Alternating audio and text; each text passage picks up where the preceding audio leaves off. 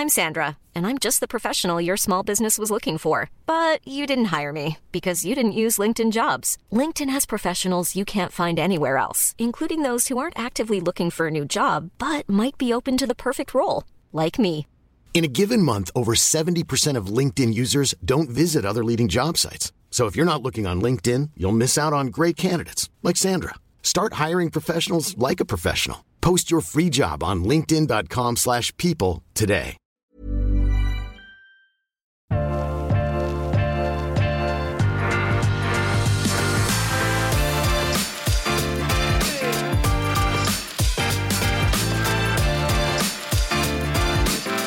Velkommen til en ny episode av um, ukens uh, vintips. Uh, I dag har vi også en uh, engelsktalende gjest. Hun er mastersommelier, utdannet i 2010.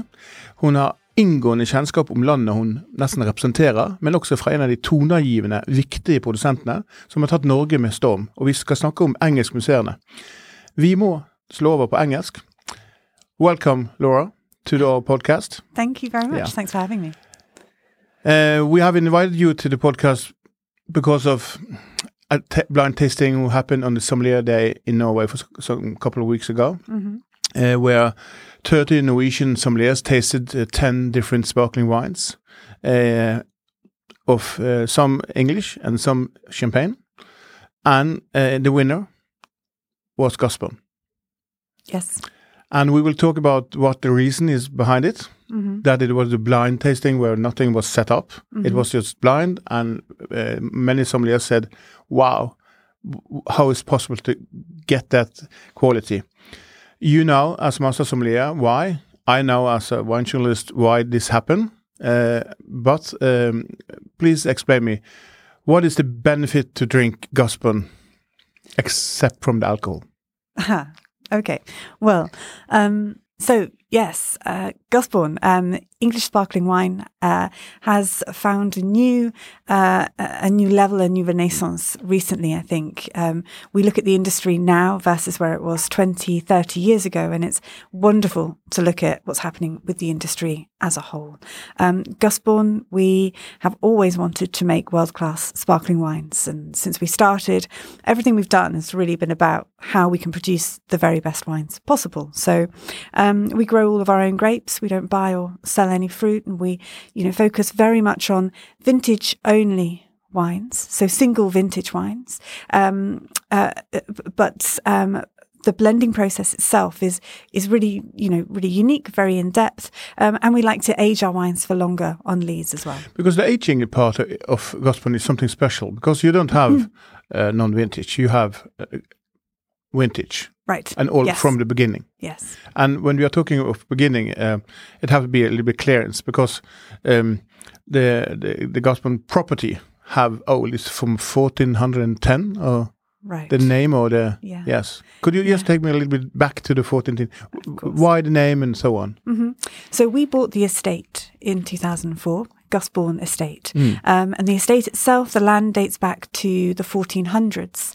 Uh, well, it dates back much further than that. But as far as we can find it, in the 1400s, it was owned by a gentleman called John de Gooseborn. Um, as So the that's- Gooseborn that's the reason. estate. Yeah, Yeah. exactly. And over the years, it went from Gooseborn to Gosborn to Gusborn. Ah, So we bought the land as Gusbourne Estate, and at the time it was um, arable land, so there was crops and and vegetables and things planted there. Um, and so then we planted the first vineyards in 2004, um, five and six and seven, and then added a little bit more land in 14 and 15 as well. Um, and then we also have land in Sussex. So because originally it was just a, I mean, um, a father who was coming to visit his daughter, and then suddenly have a good idea and have some money, and then he invested. yeah, So Exactly. it, it it's not a, a static, um, uh, um, I mean, a well planned reason behind it. Uh, it was just okay. This is possible to do. We try. Yeah, there Yeah. was a lot of planning behind it as well. So our founder, um, Yeah. uh, yes, he was coming to, to visit his daughter who lived in, in the village um, and saw the land and really understood the potential, I think, for it. And then there was a lot of soil surveys and um, exploration, I think, beforehand. Uh, but also he was South African, or he is South African, um, and uh, had been involved a little bit in the industry in South Africa as well. And In the wine industry. yeah, just Okay, a okay. little bit. Yeah, yeah. Uh, not as a producer or anything like that, but but, but drinking? Oh, well, drinking as well, but but various bits and pieces, and and I think he kind of saw what happened in in South Africa, and then could kind of start to see what was happening in the UK in the late nineties and early two thousands. Of course, the landscape of the industry was entirely different Yes. to what we see now, um, but really saw the potential, I think, for for making some amazing wines. So. I remember the first wines since uh, Norway is the biggest export country for England f- uh, for the time being, with a huge a lot of brands. Uh, m- more or less everyone who is important is in Norway present with importers. Uh, so um, there are many different styles and age of uh, producers, and not everyone is very good, but some is standing out as fantastic good. But at that time, uh, in 2007, we tasted the first bottle who was arrived to Norway, including the Go- Gusbourne who was arriving. I don't think it was imported, but I think it was just sent over just to, okay, just try, you Norwegian guys. Yeah. But uh, at that time, uh, I remember that in my notes from that time, I was writing, sure, this is tasting uh, um, acid it's not good. You know, I, I didn't know anything about the English sparkling. I I was wrong, really wrong, because it from 2007 until today, um, it had been a fantastic journey for English sparkling. But could you explain us, or, or for the for the listeners, from the inside? From you started to when you first heard about it, you take your master sommelier in 2010, and probably a little bit before you start um, um, drinking and learning about wine. How was to be in England and seeing this? Because this is as a start of champagne. If you are thinking a bigger, not a bigger scale, but it's a start of a new industry. Sure. Really start because if you just see on the buildings the producers have today, it's not big chateaus and except from someone, but it's, it's small producers. Uh, they are not 300 million bottles a year, or it's you know it's small. It's um, you know each other, everyone. Yeah. Uh, if you go to London, you have to explain the waiter who's English what sparkling from England are. They don't know of every brand. Well, Many sommeliers, of Yeah. course, do, but but Yeah. often when I've been in London, mm, and we have the same thing with Norwegian akkevitt. ah, okay. We have a huge amount of Norwegian akkevitt, Yeah. but uh, uh, Norwegian waiters they don't just know about maybe ten brands. Mm-hmm. That's the same effort. But please tell me um, your first impression of English sparkling from the inside Mm. and out. Well, uh, so I started um, as a sommelier in 2004. And I was an English sommelier um, with a, a team full of French sommeliers, which was very normal at the time in the UK. You know, um, uh, there were a lot of French, Italian sommeliers, not a huge amount of English sommeliers, and and um, and uh, where I was working at the time um, has a few English sparkling wines on the list, and and I remember being very fiercely patriotic about these wines, and uh, it was Ridgeview, Nyetimber, and Chapel Down, and I would speak to guests and say, "Would you like to try something English and sparkling?" And the guests would say to me. No, no, I'm not sure. Or they'd say, "Really? We make wine in England?" And um, and so there was, you know, there was a little bit of hesitancy, certainly. And and I think uh, then I can remember uh, it must have been about 2008, eight maybe nine, and I was working with Gerard Basset at the time um, at his hotel, and um, A fantastic man. yeah. Yeah. Uh, yeah, uh, yeah, a, a real legend and a real loss. Yes. Um, but um, but he was, you know, a wonderful, a wonderful man and a great inspiration. And and um, and so I was his head sommelier at his hotel for uh, for a little while, and um, he was very supportive. And I remember saying to him, "I would love to have an English wine list, like a page." and he said, Own page. yeah. And he said, Well, okay, sure, if you can. then go ahead. You know, that was very much his his his ethos. And so there I was trying to pick these wines and, you know, trying to find smaller producers. And at the time the industry was, you know, so different and Hmm. and they, they didn't have distribution in many No, ways. the logistic so- was wrong, and, and information. They didn't have internet sites. They didn't Right. have brand managers. They Right. everything was just ah, we, we make it. Yeah, okay. Yeah, and exactly, you know, and and in many respects, as many emerging regions are. Hmm. But so I made this wine list, and I think I've, I had this kind of, you know, make it and they will come kind of attitude. And actually, people really enjoyed the wines, and there was a little bit less skepticism. And then, you know, fast forward a bit more, and I was working um, in a Michelin star restaurant in London, and had tasted Gusbourne finally. This was in 2013, 14. Loved the wines. Um, you know, I think there was something something different about them in, in many respects, and and um, and so we started listing them by the glass. And I wanted to take champagne off and have only English sparkling wines by the glass. And it was felt that that was maybe a bit too far. That was a, you know, that was a step too far. So I didn't do that. Um, but what was interesting is that people were starting to come and ask for a glass of champagne or ask for a glass of Gusbourne. And we were in a restaurant where So Gusbourne become a brand name like IBM and Xerox, uh, meaning sparkling from England. Or- Uh, no, I No. mean Gusbourne. I think Gusbourne became just a glass of Gusbourne. It was never. Yeah. It was never uh, anything other than than that. But yeah, Yeah. I think people were starting to say, "Oh, well, actually, English sparkling wine's quite tasty. This is interesting." And then, you know, funnily enough, I remember. So I joined fif- um, Gusbourne in 2015. Hmm. And I remember even before I joined, and I said to a couple of friends, "Do you know what? I've had 20 great years working in restaurants, but I think now's the time to think about something different. I want to, I want to try something different. I, I love English wines and I've always been very passionate about the industry. And, you know, it was pretty difficult in 2004 to be, you know, so Yeah. passionate about it, but I could see, you know, I could see this evolution. it's coming people after you. You know, you, you can see that. Yeah. Okay. yeah, you know, and I could see, you know, some some serious potential within Hmm. the industry. But even then, people said, "Oh gosh, Laura, are But do you remember sure?" some some numbers around this? Because um, I read somewhere that it had, have been the goal for 2030 is a goal. How many bottles who should be produced from England? That's a common Oh, goal. I think it's around 30 million bottles. I- something like that? Something like that. Yeah, yeah, yeah. And and you see the champagne industry have 400 million bottles a year, so it will never be the same thing. If not, uh, France is uh, inviting uh, England again. I don't know, but but uh, uh, many many years ago they were connected. Uh, so Right. the distance between uh, Champagne and England, the first, are 140 44 kilometers in. So it's not Mm-hmm. far.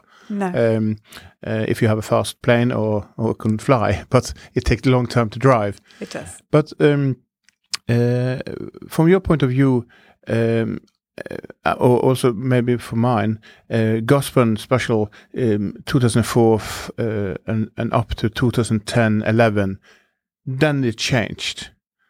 Then it was more precise. Then it was more. You know, have you heard about that before? That it had been uh, the first beginning of years, and it had been maybe lack of uh, tasting uh, experience from us, but then suddenly I see my notes is g- going over 88, 89, 90 points. Mm. Have you heard about that that change? What, for English sparkling wine generally, or- No, no, for Gusbourne. Well, well, Gusbourne, we so we released Because they're stepping up uh, quality over time. So to, from 2013, 15, it had been stable like like Yeah. rock. But the first couple of years, it had been a little bit down. It had been some oxidation. It had been something in in my tasting notes. And I've read also others that okay, had there been a learning process for for everyone to start to yeah, to make wine? It's just once a year. exactly. Yeah. Yeah. So so our first vintage was 2006, and we released those wines in 2010. Yeah, And yeah, I mean, we we have so few bottles of Yeah. those early vintages left Yeah. that it's hard Yeah. to, to ever go back and retaste them. I remember the 07s being delicious, and I Hmm. remember, you know, uh, uh, but you're right. I think it's like anything, isn't it? We started with just a few hectares of land. Hmm. And, you know, we planted a Chardonnay, Pinot Noir, and Pinot Meunier, and and and I think those few hectares grew over the years. But but yes, I think if we if you look now, where we are as a producer versus probably the wines we were producing in those first years. There's a definite shift in terms of style. And, and why I ask is because uh, Champagne have uh, over 300 years with history, and uh, now you are beating them in contest with 30 sommeliers in Norway, and also winning a lot of prizes. Just in 2021, you have over 60 prizes, international good-looking awards. yeah. I mean, um, you're beating Champagne, Gusbourne, and that's fantastic.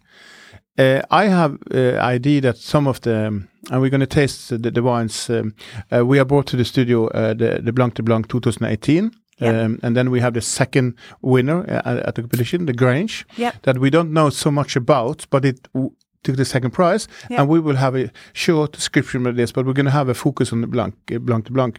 But mm, uh, but could you just give us a little bit update? You know, the name Champagne is well known. Uh, the Sekt, prosecco, all these names for the how and what na- name have English sparkling become? Hmm. Wh- what you call it? You ha- it's it's official now. It's it's something It's still English sparkling at the moment. English sparkling at the Um, moment. Yeah, I think we'll see what happens. Um, there's uh, there's something called the Great British Classic method. Yes. Oh, um, the Great British Method. Great British Classic Ah, okay. method, which has been, you know, floated and Hmm. discussed, and there's a logo and all that kind of thing. But you know, it still needs to be adopted at And the just same for, time for well. updating so- your listener, who who what we are talking about now is that the English uh, industry have not decided what to have the official name as Champagne in France or uh, in Prosecco in, in Italy.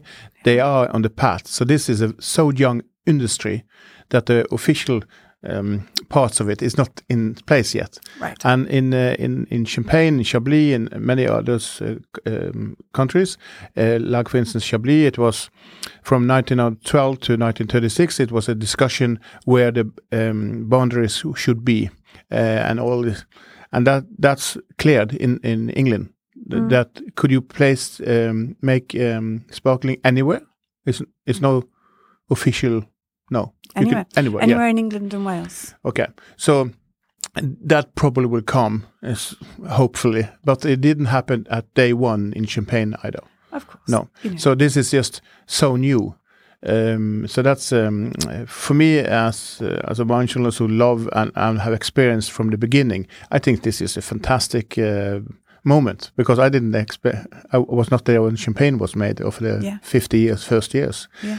But um, I, I read a little bit about uh, Gusbourne up through the years. But w- one of the things I've been into the the cloning thing with the grapes, and we are going a little bit technical, but. Um, uh, usually, uh, many of the producers uh, of English sparkling are ta- taking uh, clones from from Champagne, but you have taken from Burgundy somewhere else. Do you know anything about the reason why and how? So yes, um, when we first planted those first varieties, we had Burgundian clones and Champagne clones, Hmm. and we planted our vineyards um, on uh, in different years and quite systematically in that sense. And I think some of the clonal decisions came from soil analysis. Some of the clonal decisions came from the fact that we wanted lower yields, and Burgundian clones tend to yield lower than Champagne clones. And you know, when you look at our environment and you look at the climate, it made a lot of sense to have lower yielding vines so that we'd get more intensity, more concentration, more weight.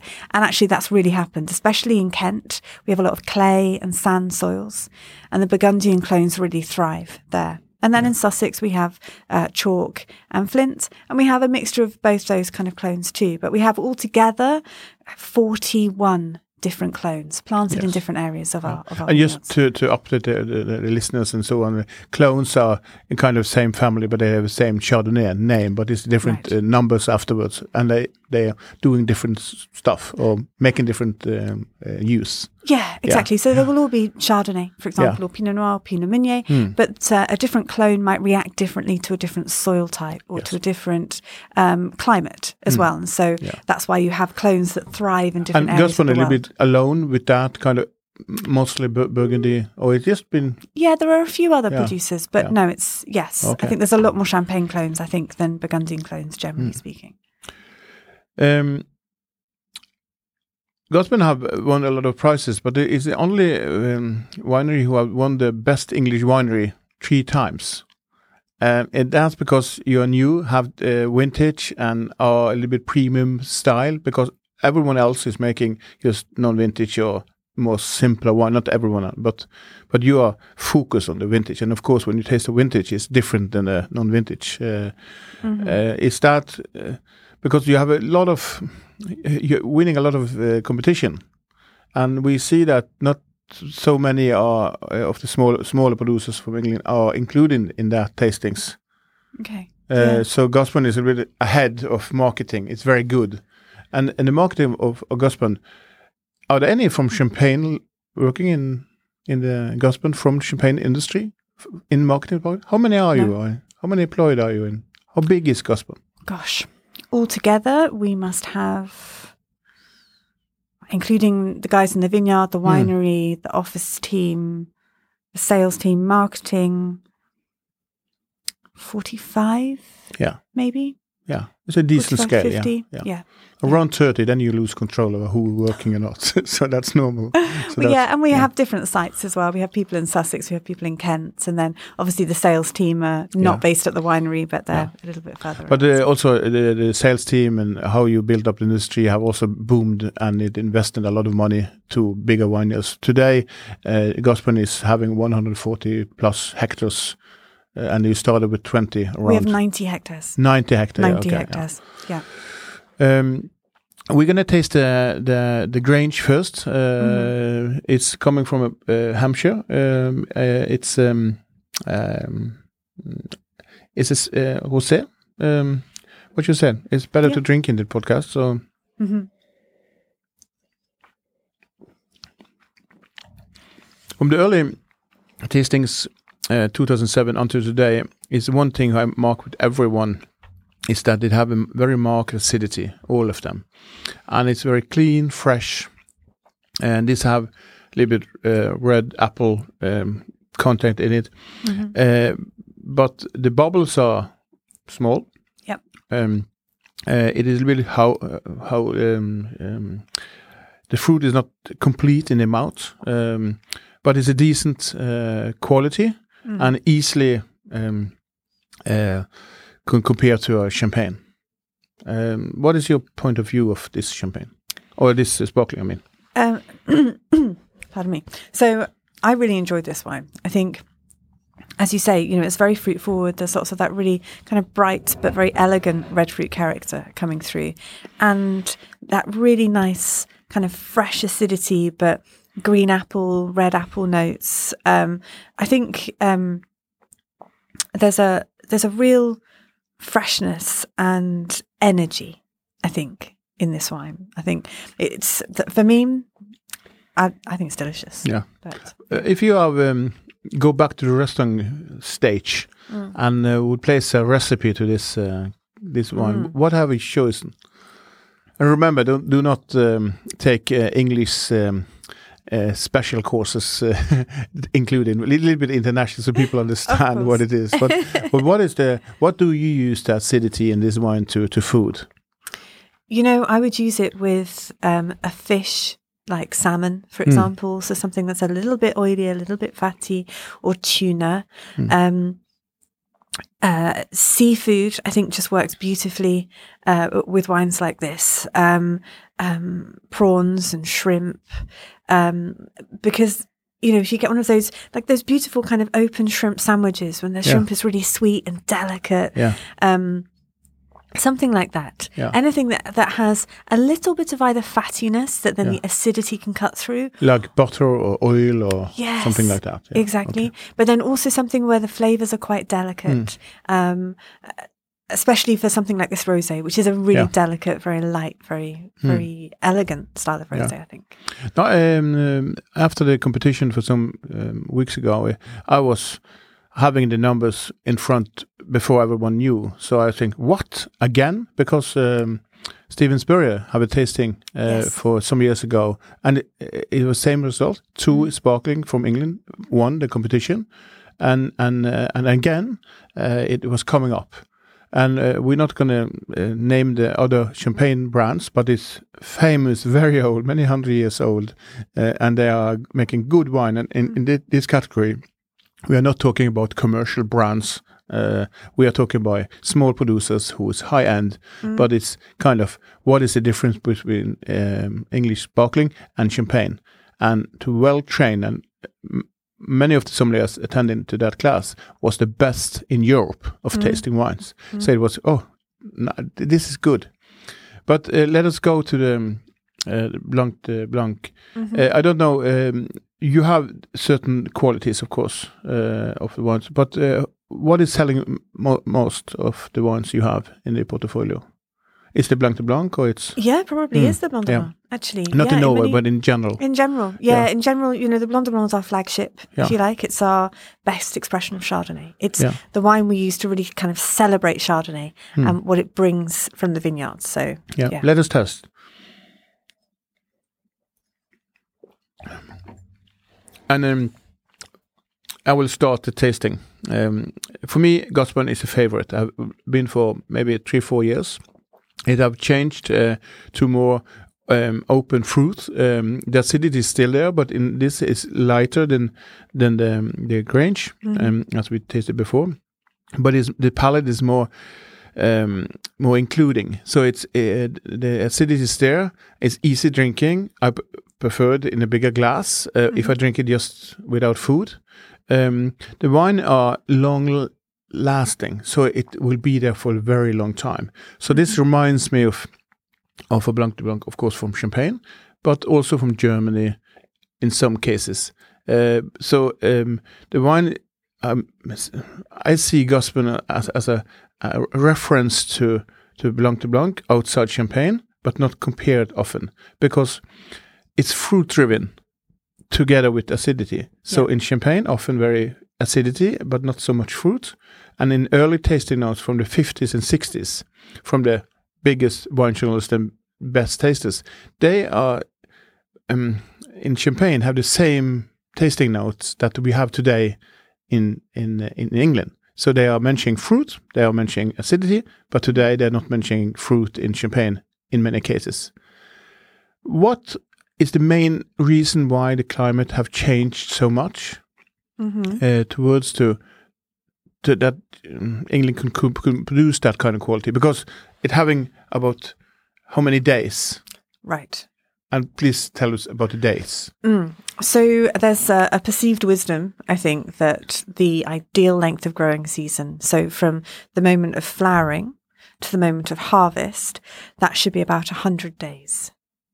And so 100 days gives the fruit, the grapes, the ability to ripen, to um, to ripen in terms of acid falling and sugar rising, but also rather crucially in terms of phenolic ripeness. And when we talk about phenolic ripeness, that's where we talk about flavor development. And so it's more than just the kind of the levels of acid and sugar. It's more about where you find those fruit Yeah. flavors developing and the um, the compounds for those. Um, what happens is if if it, if uh, if a growing area is quite warm, for example, then the acid starts to drop. And crucially, when we make traditional method sparkling wines, because of the methods that you know the second fermentation in bottle and the lees aging, because of that, you need to have high acidity in those original grapes. And so then I suppose there's that balance between making sure that the acid's not too low, but that the ripeness is full enough. And I think in the UK at the moment, we are in that sweet spot. Um, It's 90 or 110 days or It's what about is- 100. Yeah. Yeah. Yeah. Yeah. it's about 100. So if Um, we go back 20 years, you didn't have 100 days. it was no, it would have been year. even, yeah, no, it would have been even point, so- longer, I think. so? Yeah. Well, well, no, the reality is if you go back 30 years or so, actually you just couldn't have got the ripeness. And, and we see it even now, you know, we see at Gusbourne that we are harvesting more often in September now Yeah. than we, we were 20 years ago. So there is a, you know, there's a shift, but not common, always. yeah. Of course, you still have years like last year, Mm. which was very cool, um, and it was a very challenging year, and it was a late harvest. But some of those base wines that were created from that year Mm. were really interesting as well. And so, you know, I think what what's really fascinating about producing English sparkling wine is that you know blending process in, in terms of finding all those different blocks, and you know we end up up with gosh three. Because, because the distance between wine um, wine uh, yards are quite um, long. So you don't have it next to each other. You have many plots in the the, the hectares you have, the 90 hectares. They are not at the same Yeah. spot. Uh, well, they're they're fairly well. No, they're not in the same No, spots. no. We have two estates. Yeah. One is in Kent, and then one is in Sussex. And yeah, and, and the distance is there in kilometers or mile. uh, it's about hundred kilometers. Yes. something like Yeah. that. You don't run that uh, a day, I think. No. No. okay, but but that's the distance, but it's a huge difference in uh, in in um, expression of the Yes. and that's Yes. the is that one of the main factors that Gusbourne is achieving something that it have yeah, I think positive so. parts of it. Yeah, Yeah, I think. I, I'm not too sure because um, uh, as uh, we both have been in Champagne many times, we are traveling around. Yeah. uh, England is a kind of uh, there are no natural source for for for truth.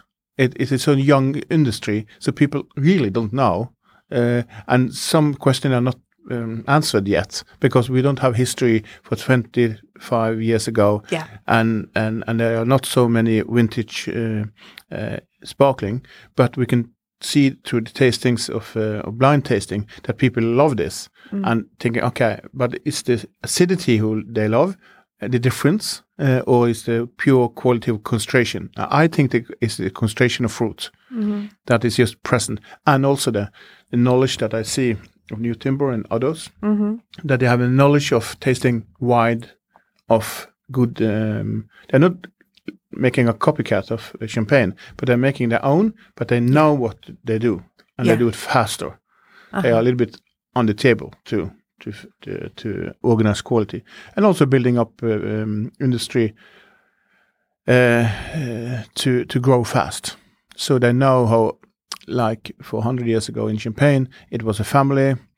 They take step for step, pay the bill, step step. But here is okay. We invest ten million uh, euros, and then we invest in in things, and then we're getting the result much faster. So the it's going, and we know the potential of sale, and that leads to my next question.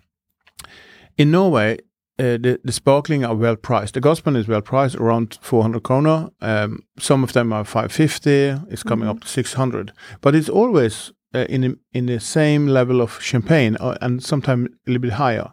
Could you explain me a little bit of the of the policy in general? Why sparkling are that priced, and Yeah. how? Why?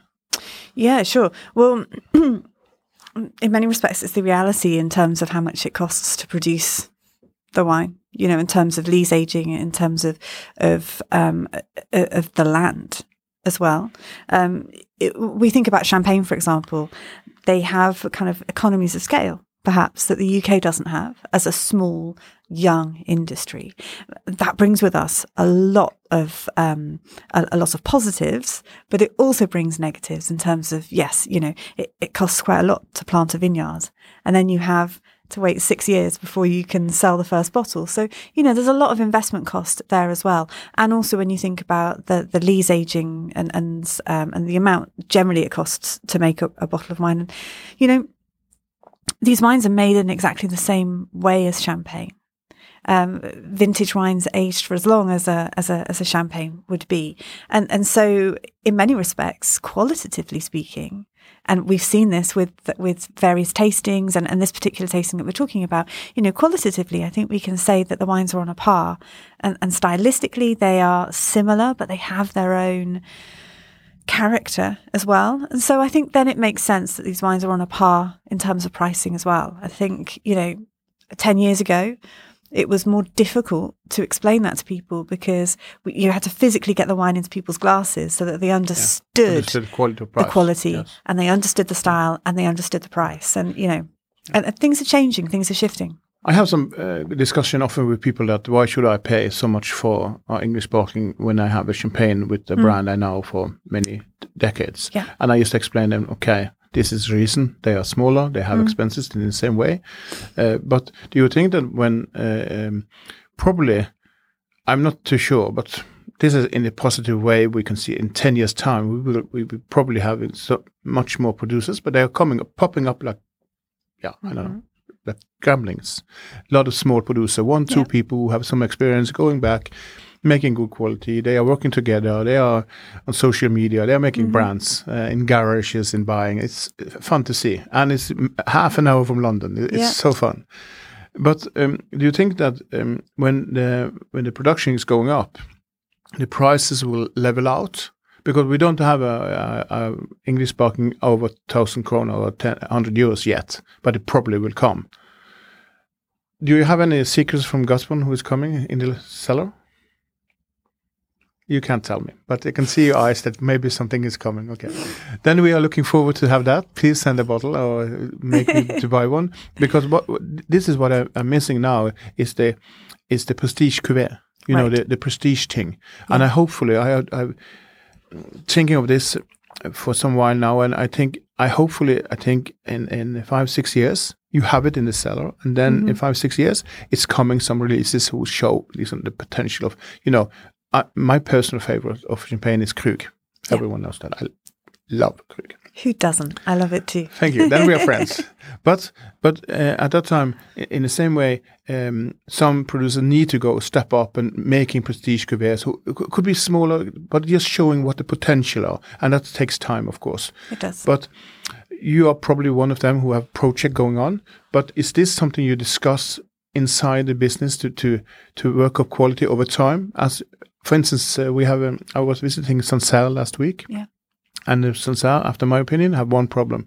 They have only they don't have the Grand Cru, Premier Cru, and and yeah, uh, and today there are no official or standard of quality of prestige cuvée. It's it's a kind of the producer's name and reputation, and then going on. But in in 50, 100 years time, uh, English sparkling industry could be five double, six double, hundred times bigger if it's needed because the rules are not set yet. Do you think this is important to work with now? That kind of thoughts? And are someone talking about it? Yeah, there's discussions. Yeah. Of course. And you start to see little PDOs. So, I mean, we have a general PDO in terms of a, a wine rule system Yeah. that we The, use. the PDO is the Uh, wine room PD uh, system. PDO is the protected designation Yes, of origin. yeah, okay, okay. Yeah. So, like an Yeah, appellation. appellation system. Yeah. Um, and we have one really for the whole of the UK industry Hmm. in terms of quality English sparkling wine. Yeah. That's what it's called. And it has certain rules attached to it in terms of the grape varieties you can use. Uh, lees aging uh, is a minimum of nine months, has to be bottle fermented. And, Yeah. but there's not massive rules there, No. which is great. It allows us to innovate. It allows us to create. And as a young industry, that's really exciting. Yeah. Um, we're starting now to see. Um, uh, th- there was Please a- remember to drink your wine, uh, Oh, Laura. Uh, we you. are we are drinking on Burke now. I will, yeah. Mm. It's never too Yeah. early to drink Blanc de Blanc. No, no, no, never. So that's a good idea. Just to just to mention that this podcast is recorded after ten o'clock, not eight o'clock in the morning, but ten is enough. Okay. It's true. Yeah. yeah. But uh, please continue. Um, uh, uh, yes, we're starting to see. I think you know there was recently the Sussex PDO that was launched. So that's a county. Hmm. Um, and you know it got a mi- mixed reaction with uh, within the wine industry. But what it shows is that people are keen. I think to find some kind of way to um, uh, to classify wines, and whether that be geographically or whether that be from a, a lees aging perspective or a non non vintage versus vintage perspective, or or some way to do that. Or yes, I mean, uh, I don't know. I, I don't think we're. I don't think we're old enough yet as an But but you're taking to- big steps because you have organization who takes care of English Right. Yeah, you you have open-minded people. You have expertise, and Yes. if you go back to Champagne, they didn't. They have were farmers who didn't have expertise and didn't know how big Champagne were going to be. Yeah, of and today we see industry is by the big money. You know, it's. It, of course, it's small producers, but in general, they are just it's, it's a printing money machine. Champagne. Oh, ma- champagne. Yes, yeah, sorry, I thought you champagne, meant, but not yeah. Uh, um, English sparkling is still on the loan from the banks uh, in certain cases. It's uh, but it will come because the potential uh, for when you have successes as in Norway, where a whole country is saying, "Ah, this sparkling is fantastic." That's a good point of view. You have a lot of good tastings. Yeah. It will arrive. Imagine if uh, if English sparkling gets off in uh, England, no, uh, not in England. Maybe it's coming, but in Germany, in Portugal, in Spain, in other countries, because champagne is getting more expensive Mm-hmm. And uh, and uh, the volume producer are making not so good, and uh, you will use maybe ten years to get a volume producer in, if you're going to have it. Yeah, because for sure. because the price of land is going up in England now. People Mhm. is you can't reach any, so it's uh, the potential. I saw some numbers that it had been ten double the price of land around um, areas where they already have. So it's it's starting to be too Mhm. expensive to to invest. If not, uh, you have investments like they do in in other countries, uh, like in Champagne and Germany and so on. You have other owners of the vineyards than the producers. Right. But n- let's not talk about that. Let's talk about uh, how uh, Go- Gusbourne and are leading to because I see this as leading star. How how much time do you use to to be like you're present in Norway now? It's an important market, of course. Yeah. But you're also present in tastings. You're present in information. You're I see you in in, in letters. I see you intending to be a, a producer who is in, in front of the industry. Sometimes you are right. on the, all the important wine fairs. You are you are present, Which and that's a goal to be. Yeah, you know, uh, our our goal has always been to make world class English sparkling wines. Hmm. And yeah, gosh, you know, if that puts us uh, in prominent tastings, and um, a lot of my role is um, is both as a kind of a global presence in that respect, but also as kind of part of the blending team and part of other kind of support functions and that kind of thing. So yes, you know, it, I think I think it's wonderful to have these wines be tasted by yourself, Yeah. by sommeliers, and, and and by consumers and people who are interested in these wines. And I think that's really for us. It's about people hopefully understanding, you know, the passion that is behind these bottles, but the quality as well. And I think, you know, we were talking earlier about about the industry, and I think so rarely do we have the chance to witness a new region, especially a sparkling producer, from the ground up and to see the potential and to see what's happening there. And I think that's where we are at the moment. And I'm really, really excited to be a part of it. So, yeah. And Laura, um, we have to have a little introduction to our sponsor, and it will arrive now. Um, and when we are coming back, uh, I'm gonna, I have to ask you some royalty question about the Queen who just passed away, Yep. and how she was attending to the wine industry and how it is. But we will come back shortly after this commercial. Selvfølgelig må vi bare takke Temtec uh, igjen. Takk for at dere gjør denne um, podkasten her mulig. Hvis du er på jakt etter et uh, vinskap, og det burde man nesten alltid være, uh, så sjekk ut Temtec sin Prestige-serie, en av toppseriene til uh, Temtec. Bygg de inn, la de, bygg de inn kjøkkenet, la de stå fritt for seg selv. Store, små, forskjellige soner. Trehyller, LED-belysning, juster temperatur, lys på egne paneler. Um, luftfuktighet, label view hvis du har lyst til å se flaskene før du åpner eh, kjøleskapet. Sjekk ut uh, Prestige-serien til Temptech, og tusen takk igjen ja, hos Power. Power. Uh, og takk igjen, Temptec, for at dere gjør podkasten her uh, mulig. And then we are back again, Laura. We have been discussing English sparkling for a while, and under the break of commercial, we have talked a bit about the about the Queen, but also a little surprise for the Norwegian market. We Yes. are earlier talking about Prestige Cuvée, uh, who's coming, Yeah. and it's coming to Norway next It's- year. Yeah, it's coming to Norway. So our Prestige Cuvée, we, we launched it just a couple of weeks ago Yeah. in the UK. And what is the highest point you have reached, reached for that? So uh, it's called 51 Degrees North, um, vintage 2014. Yes. Um, and it's going to be, you know, really the, the pinnacle, I think, of our of our winemaking. And what will the cost be for a bottle in England? Ooh, one moment. Uh, in England, it's uh, 195 pounds. Only 195. yeah, 195. okay. okay. And how big is the production?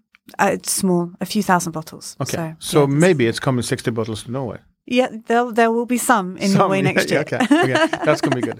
Twist my arm, you might get Yeah, more. this is uh, breaking news from England. Uh, it's this prestige cuvée coming up. I was looking for it for many years, and now it arrived. Thank God.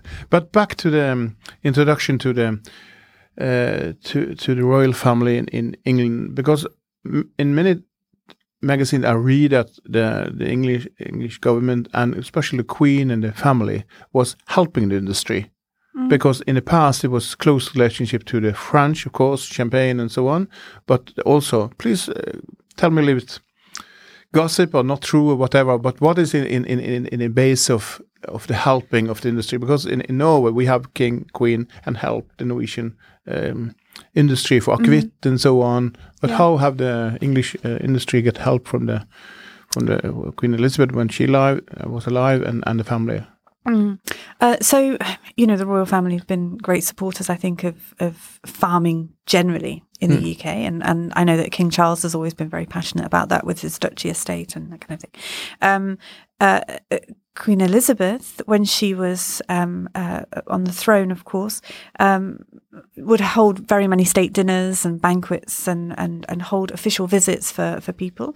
Um, and although often it was champagne that was being served, more and more in the last 10 or 15 years, they've been serving English sparkling wine at those events in Buckingham Palace. So um, I know that in 2012, at the, um, it was the pre it was the dinner for the pre-opening party of the Olympics. It's a very long way to explain it. Sorry, Yeah. uh, at Buckingham Palace, and they served the Blanc de Blanc 2007 from Gusbourne. Um, and they, I know that they've served other producers as well, so it's great.